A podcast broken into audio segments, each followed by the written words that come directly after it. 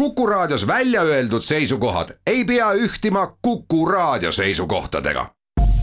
Te kuulate Kuku Raadiot.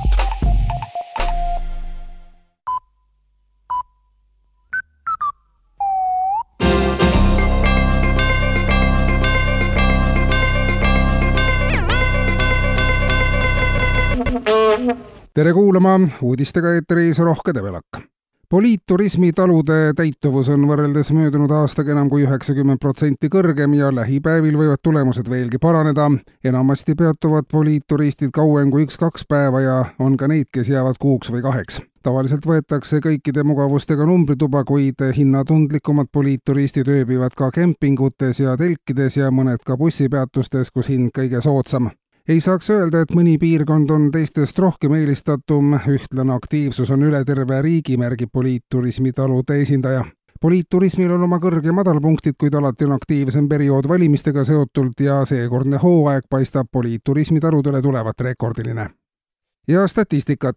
salajas arvamuse uuringufirma annab teada, et augustis läbi viidud küsitluse tulemusena selgus, et keskmine inimene tarvitab aastas umbes seitseteist kilogrammi lihatooteid kolmkümmend kaks kilogrammi kalatooteid ja kuivaineid keskmiselt sada üheksateist kilogrammi. veel tarvitas keskmine inimene kolmsada liitrit piima ja üheksakümmend üheksa kilogrammi muid piimatooteid küsimusele, kuidas on keskmise inimese keskmise teleri vaatamisega, vastas keskmine inimene, et vaatan nagu vaatan, mis see teie asi on, mida ma vaatan muud ei saagi viimasel ajal teha, kui kogu aeg vasta, mida sa sööd, mida sa jood, keda sa valid, kuhu sa oma keskmise palga paned. seejärel haaras keskmine inimene labida ja ähvardas kallale tungida, kui teda lõpuks ometi rahule ei jäeta. küsitlejad põgenesid läbi akna, keskmine inimene aga järgnes neile ja jälitas küsijaid pargis enam kui kolm tundi keskmise kiirusega kolmkümmend kaks kilomeetrit tunnis ja positiivseid teateid, valitsus on otsustanud oma eilse määrusega tunnistada õpetajate töö hindamatuks väärtuseks sellise otsuse taga on lisaks mitmetele muudele teguritele ka üha suurenev avalik surve. pedagoogide töö muutub hindamatuks väärtuseks alates uuest aastast ja kuna see töö on hindamatu, siis ei olegi seda võimalik rahaks ümber arvestada